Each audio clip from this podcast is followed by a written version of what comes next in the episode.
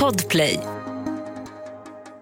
Du vet väl om att du kan lyssna på avsnitten av Fallen jag aldrig glömmer en dag före alla andra. Redan på torsdagar kan du lyssna på podden på podplay.se eller i appen Podplay. Och naturligtvis är det gratis. Det här kändes viktigt för det här var en, en ung pojke som blev avrättad på en åker av människor som han har umgåtts med. De här människorna, individerna skulle jag säga är eh, kriminella nätverksaktörer. Det finns då en, en grupp som känner en aggression och ett hat mot kvinnor.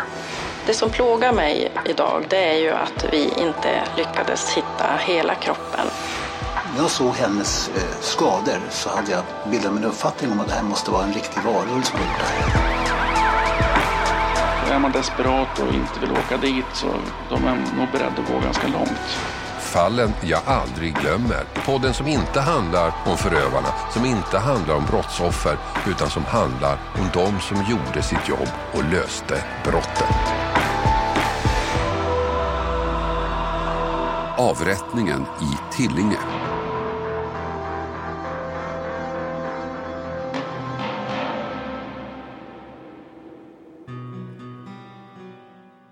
I början av 80-talet fick jag mitt första fasta mediejobb. Det var på lokalradion i Västerås Radio Västmanland.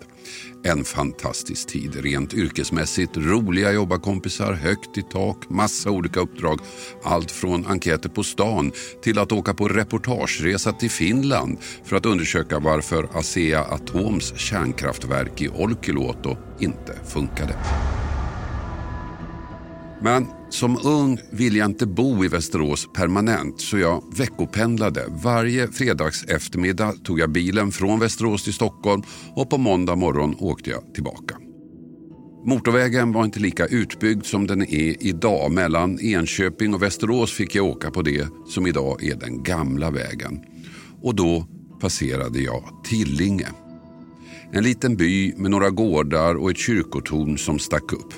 Jag hade nog inte närmare tänkt på det om det inte vore för just namnet, Tillinge. För där jag växte upp låg orterna Huddinge, Tullinge, Tumba och i Västmanland fanns orterna Huddunge, Tillinge och Tumbo. Så varje gång jag passerade Tillinge så körde jag ortsnamnen i mitt huvud. Huddinge, Tullinge, Tumba, Huddunge, Tillinge, Tumbo. Men vad jag då inte visste var att jag många år senare skulle svänga av i Tillinge, ställa mig på en åker för att i den här podden berätta om en ung man som blivit mördad just där. Jag befinner mig på en åker strax utanför kyrkan i Tillinge, en liten by mellan Enköping och Västerås. Så här börjar det fall vi ska prata om i det här avsnittet av fallen jag aldrig glömmer. Det är den 9 augusti sommaren 2021. En kvinna från byn är ute och går med sin hund. Och här på åken gör hunden ett fynd. Bland växtligheten ligger en ung man ihjälskjuten. Polisen kallas förstås till platsen och från början så såg det ut som om att det här fallet aldrig skulle kunna bli löst. Det bar alla tecken på ett sånt fall som polisen har väldigt svårt att klara upp. Det var gangsterrelaterat. Man visste inte vem offret var. Man visste inte vad som hade hänt. Det fanns inga konkreta spår efter några förövare. I alla fall inga spår som kunde binda speciella personer till platsen.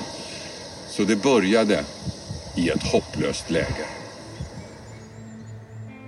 Ja, det är alltså den 9 augusti 2021 på kvällen. En kvinna som är ute med sin hund gör den fasansfulla upptäckten. Där, mitt på åken, ligger liket efter en ung man. En ung man som blivit skjuten i huvudet. Polisen tillkallas förstås, kroppen transporteras in till rättsläkarstationen och teknikerna går igenom området. Polisens tekniker kom till platsen och spärrade av området här omkring. Man sökte minutiöst igenom åken, kvadratmeter för kvadratmeter. Men det var inte mycket man fann. Men två saker hittade man. två saker som kom att få väldigt stor betydelse. Det ena var spår efter bildäck.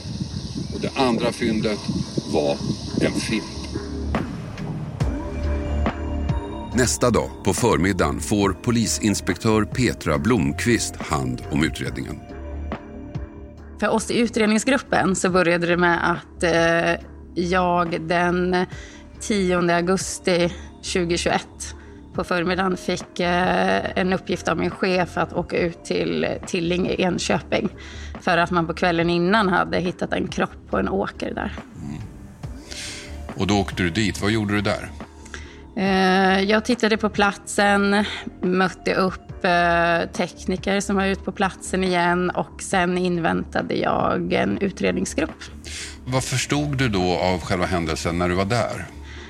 Eh, det jag förstod och de uppgifter jag fick från det som, de personal som hade varit på plats kvällen innan var att man hade hittat en ung man skjuten i huvudet.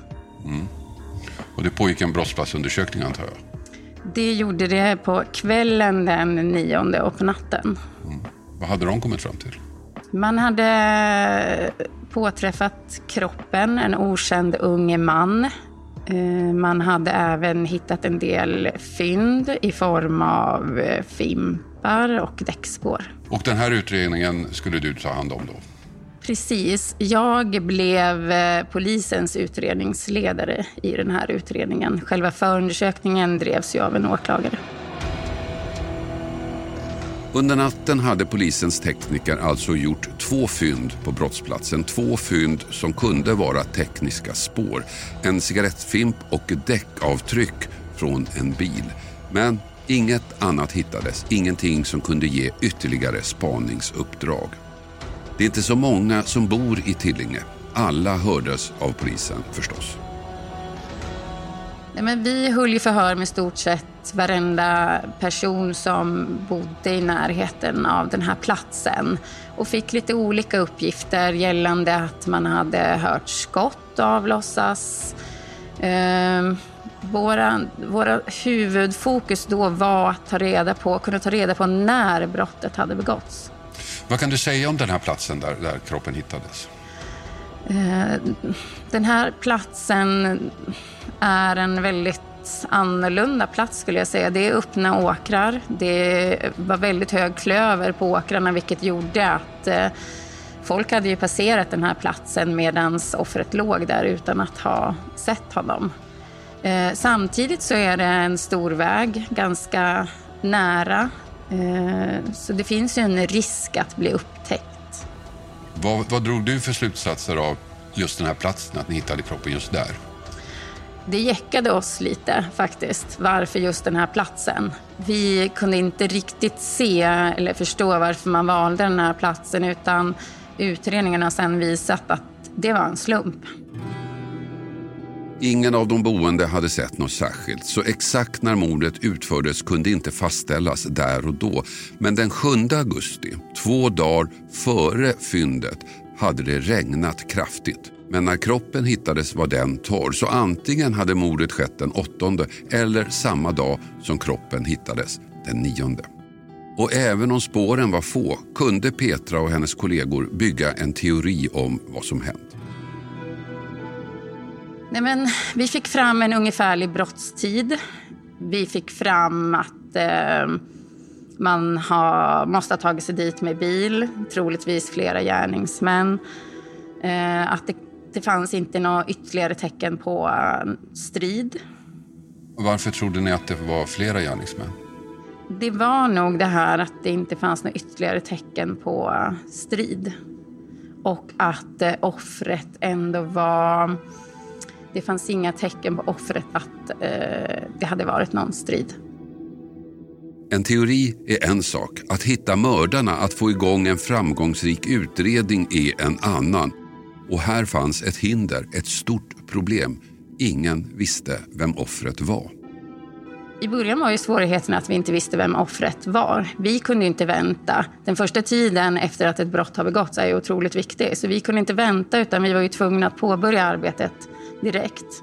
Det är ju såklart alltid svårare om man inte vet vem offret är.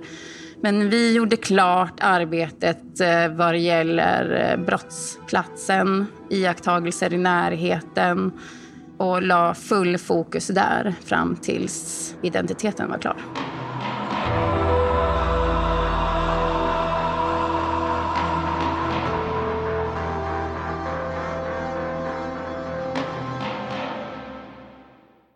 Den här veckan har vi ett betalt samarbete med Tre, ni vet teleoperatören. Den jag själv har faktiskt och är väldigt nöjd med. Men det är många som tror att Tre inte har särskilt hög täckningsgrad, vilket är fel. Och så är det ju faktiskt med mycket vi tror oss veta, att det vi tror är sant kan vara falskt och det vi tror är falskt kan visa sig vara sant. Jag hade faktiskt ett telefonsamtal med en kompis för inte så länge sedan, via tre då förstås, och vi snackade om myter. Och jag tycker mig ha koll på sånt, vad som är sant och vad som är falskt. Men det är inte alltid så lätt. Till exempel berättade min kompis, ni vet om myten att svalor flyger lägre när det ska bli dåligt väder. Falskt sa jag, men det visade sig vara helt sant. Och så det här att man, om man duschar varmt på sommaren så blir man svalare. Det trodde jag inte heller på, men det visade sig också vara sant. Så det blev lite en aha-upplevelse för mig. Men så pratar vi om vår gemensamma operatör. Ja, de har ju väldigt bra täckning, sa han. Och där visste jag att han har rätt. Han visste att Tre har byggt ut och nu har väldigt stor täckning. Men det är inte alla som vet. Och ibland är det inte riktigt som man tror. Sanningen är att Tre nu täcker otroliga 99,3 procent av Sveriges befolkning och det avser rösttäckning baserat på folkbokföringsadress. Så läs mer på 3.se om hur de bygger ut sitt nät och täckning.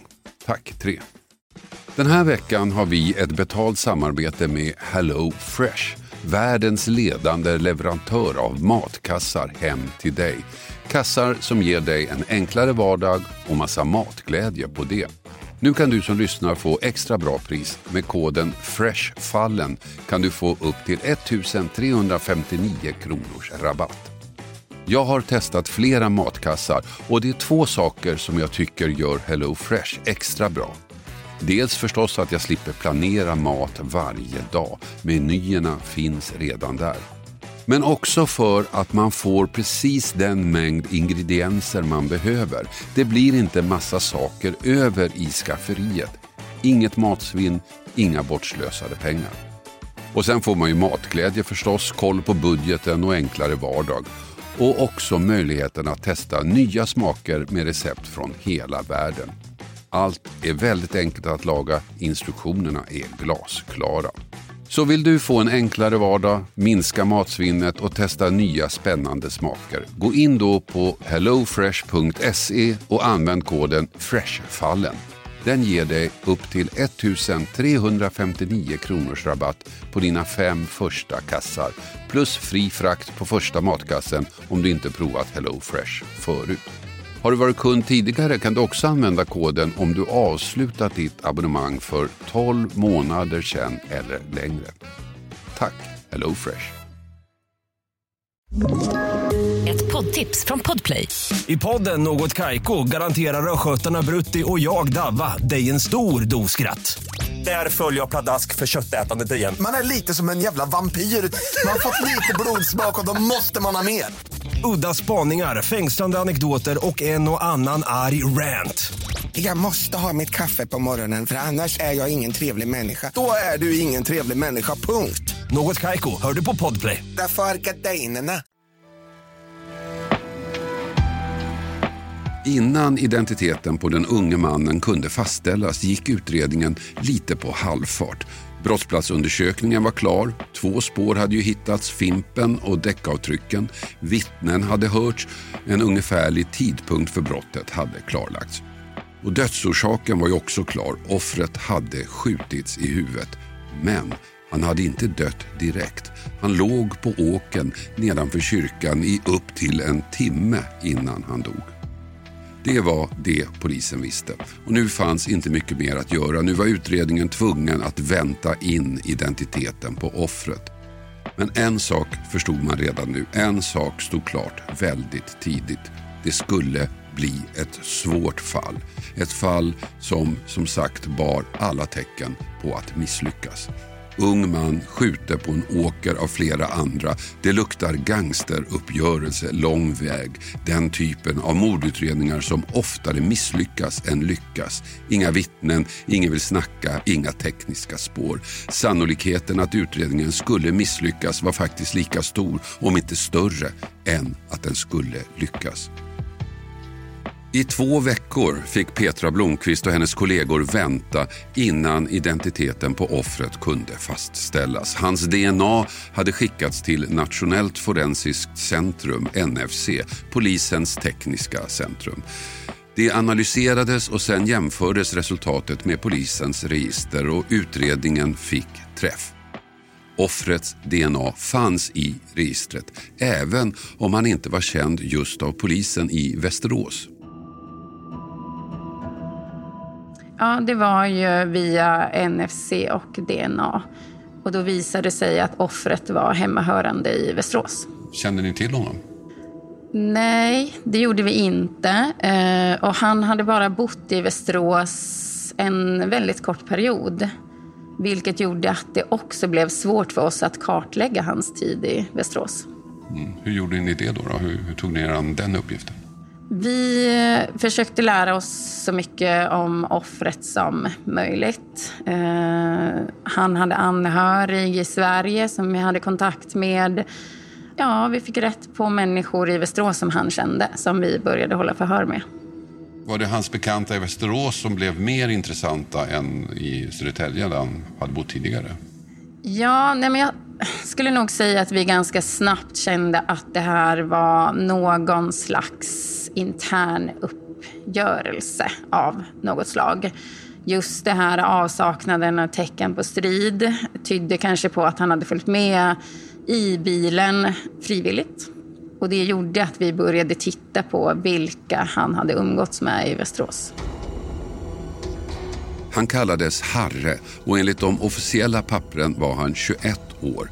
Men i själva verket var han betydligt yngre än så, förmodligen bara 17 år gammal.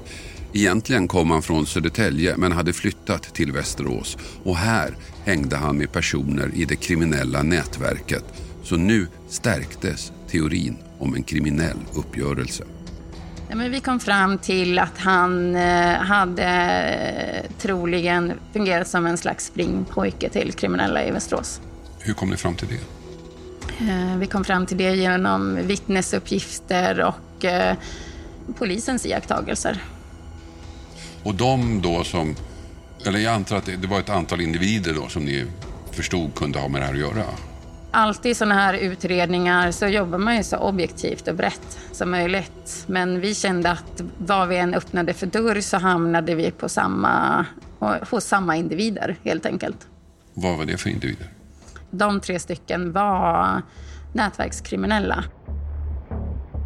Ja, Tre namn återkom i kartläggningen av 17-åringen. Ju fler som hördes, desto oftare nämndes just de här namnen. Ja, men alltid så kartlägger man ju personerna som är intressanta. Man tittar på ifall polisen vet hur de har rört sig under den här perioden och de aktuella datumen. Och samtidigt ska jag säga, samtidigt som vi gjorde det här arbetet så fokuserade vi också på eh, personer som vi vet offret hade umgåtts med, alltså vänner till honom. Adresser där han hade bott. Och vi kom fram till att de här individerna ändå hade vistats utanför bostaden till offret.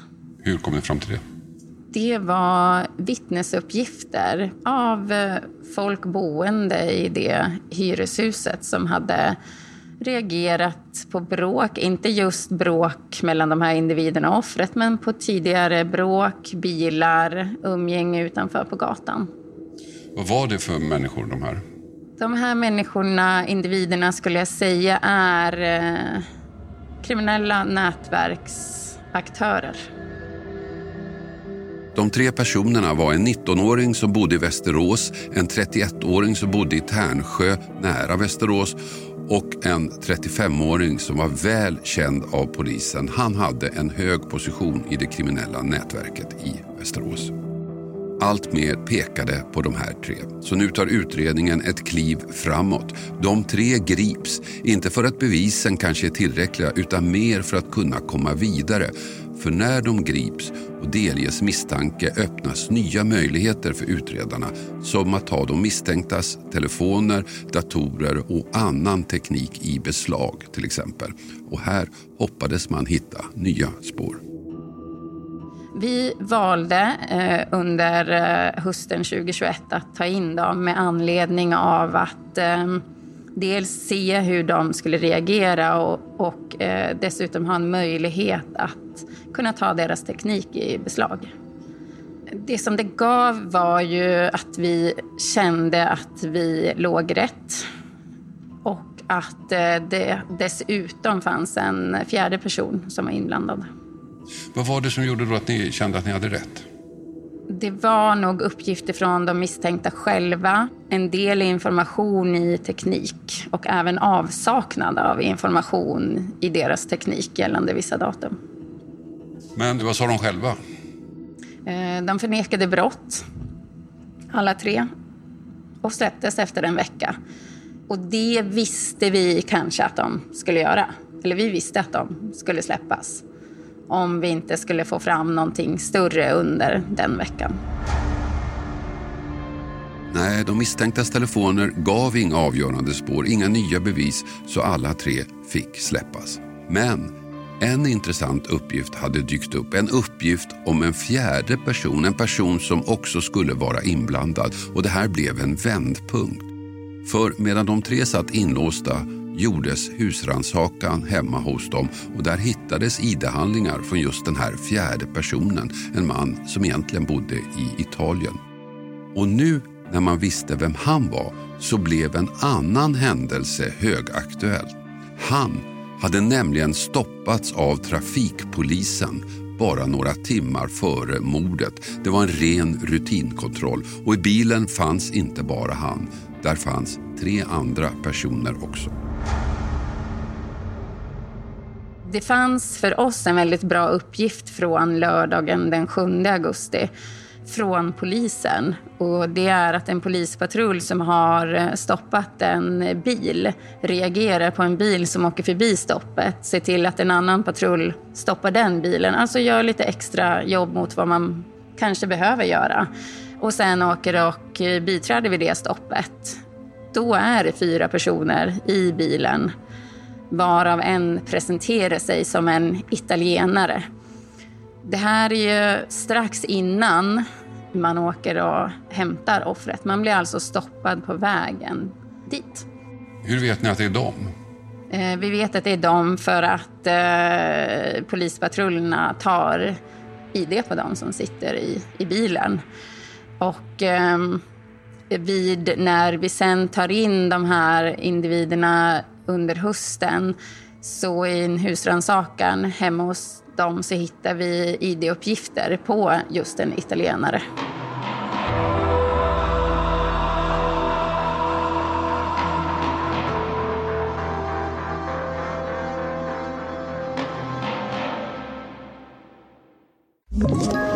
Ett poddtips från Podplay. I podden Något Kaiko garanterar östgötarna Brutti och jag, Davva, dig en stor dos skratt. Där följer jag pladask för köttätandet igen. Man är lite som en jävla vampyr. Man har fått lite blodsmak och då måste man ha mer. Udda spaningar, fängslande anekdoter och en och annan arg rant. Jag måste ha mitt kaffe på morgonen för annars är jag ingen trevlig människa. Då är du ingen trevlig människa, punkt. Något Kaiko, hör du på Podplay. Därför är gardinerna.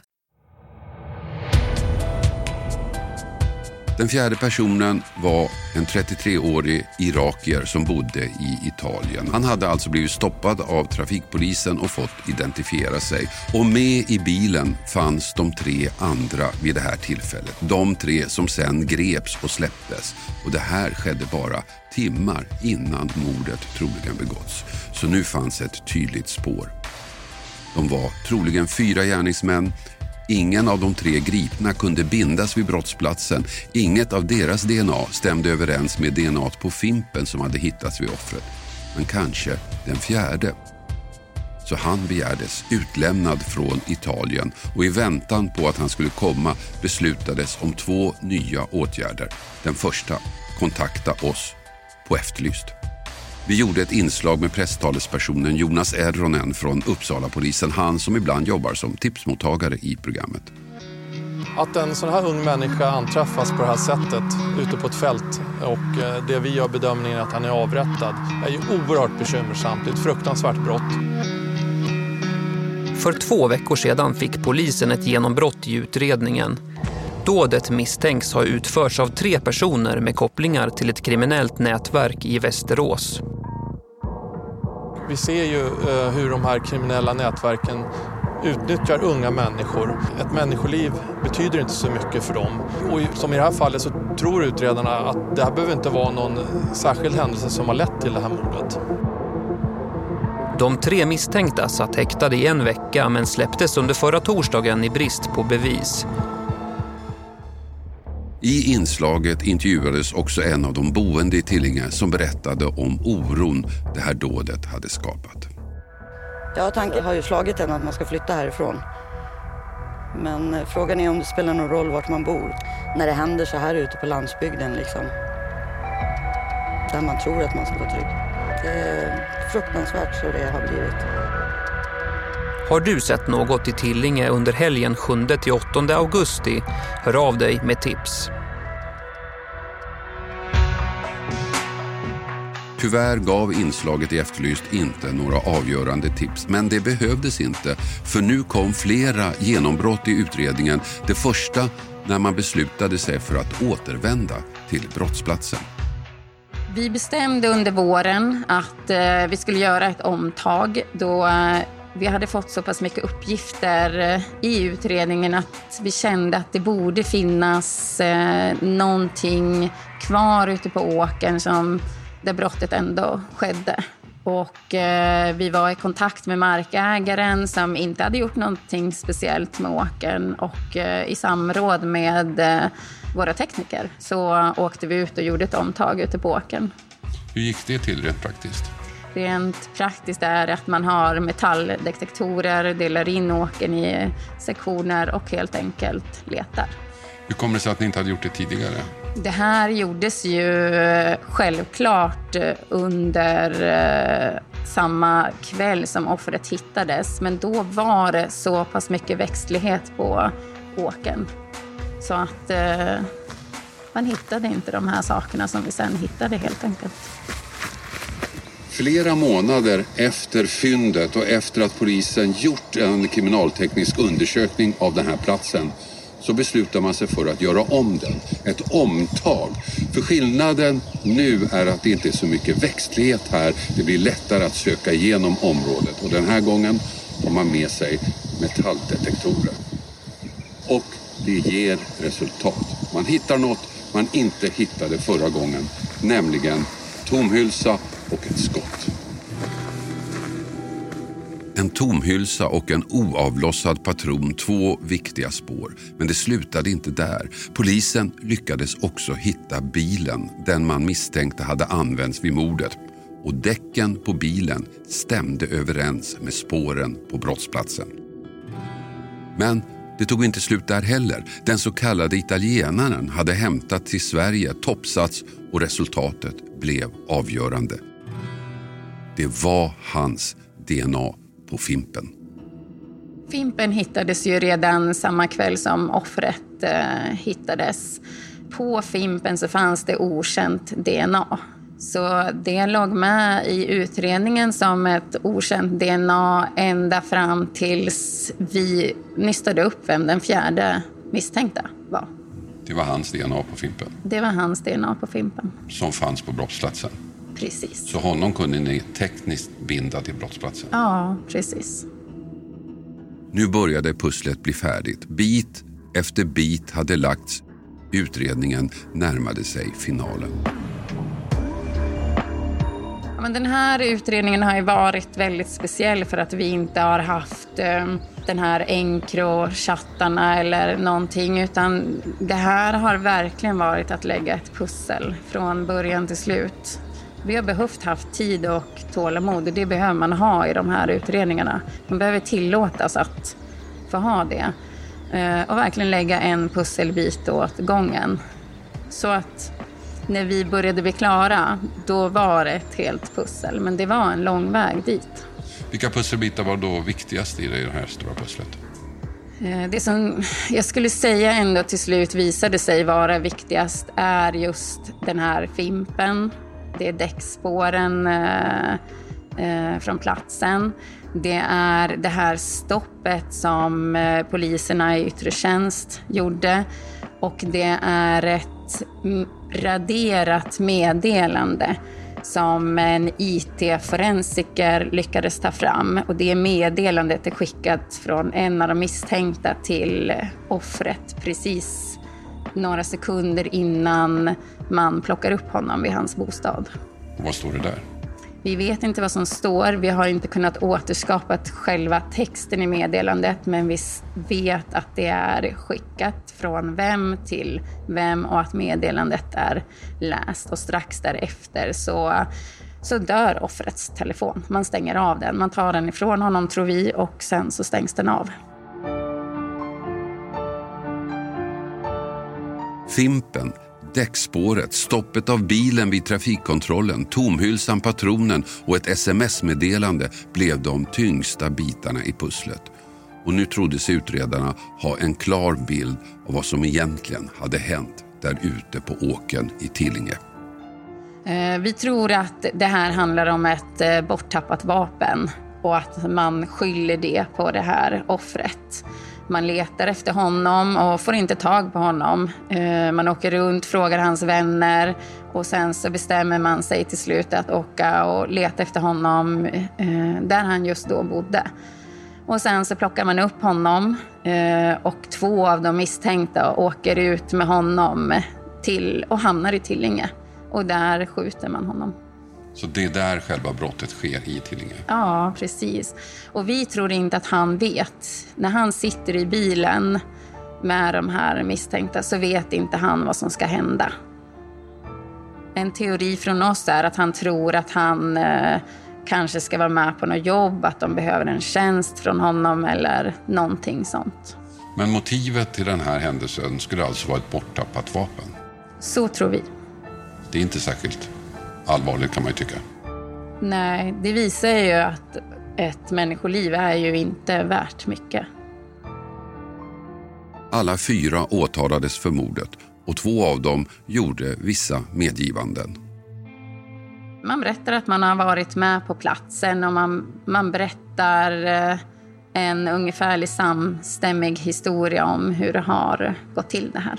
Jag antar att inte någon har pekat ut någon som mördare? Nej, själva skottet vill ju ingen ta på sig.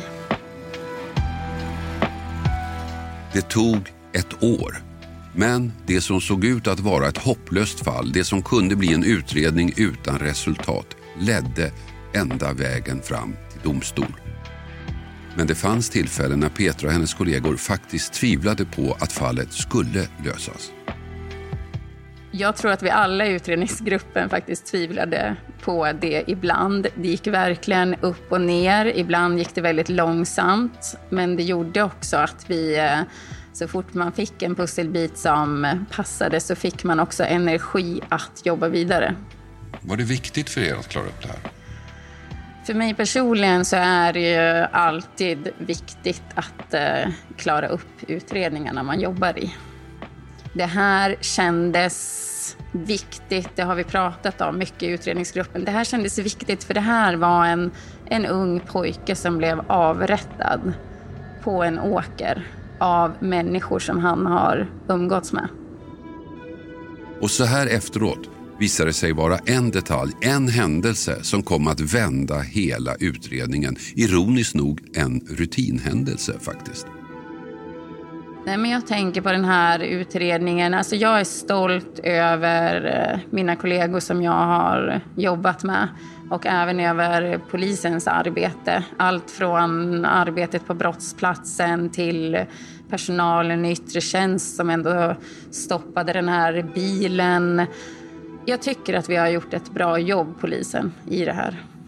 Om den här bilen inte hade stoppats, hur hade det påverkat utredningen tror du? Jag tror faktiskt att just det här stoppet var en eh, central del i den här utredningen med anledning av att man fick de här fyra misstänkta på plats med varandra i den här bilen vars däckspår eh, i viss mån stämmer överens med däckspåren på platsen. Så jag, jag tror att det här stoppet var centralt i den här utredningen. Ja, hade inte trafikpolisen stoppat bilen då hade förmodligen fallet förblivit olöst som tyvärr är ganska vanligt när det gäller mord i den kriminella miljön. Och allting började alltså på en åker i den lilla orten Tillinge.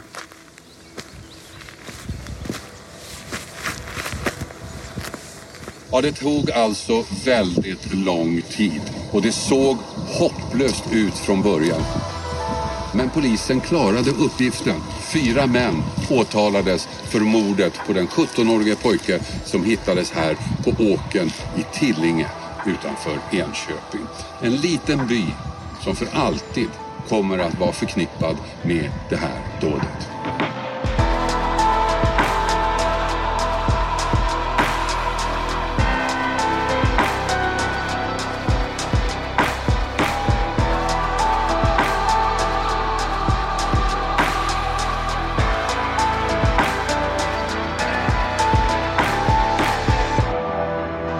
Du har hört podden Fallen jag aldrig glömmer. Klippning David Davva Persson. Och jag heter Hasse Aro. Du vet väl om att du kan lyssna på avsnitten av Fallen jag aldrig glömmer en dag före alla andra. Redan på torsdagar kan du lyssna på podden på podplay.se eller i appen Podplay. Och naturligtvis är det gratis. Podplay, en del av Ett poddtips från Podplay. I podden Något Kaiko garanterar östgötarna Brutti och jag, Davva, dig en stor dos skratt. Där följer jag pladask för köttätandet igen. Man är lite som en jävla vampyr. Man har fått lite blodsmak och då måste man ha mer. Udda spaningar, fängslande anekdoter och en och annan arg rant. Jag måste ha mitt kaffe på morgonen för annars är jag ingen trevlig människa. Då är du ingen trevlig människa, punkt. Något Kaiko, hör du på Podplay. Därför är gardinerna.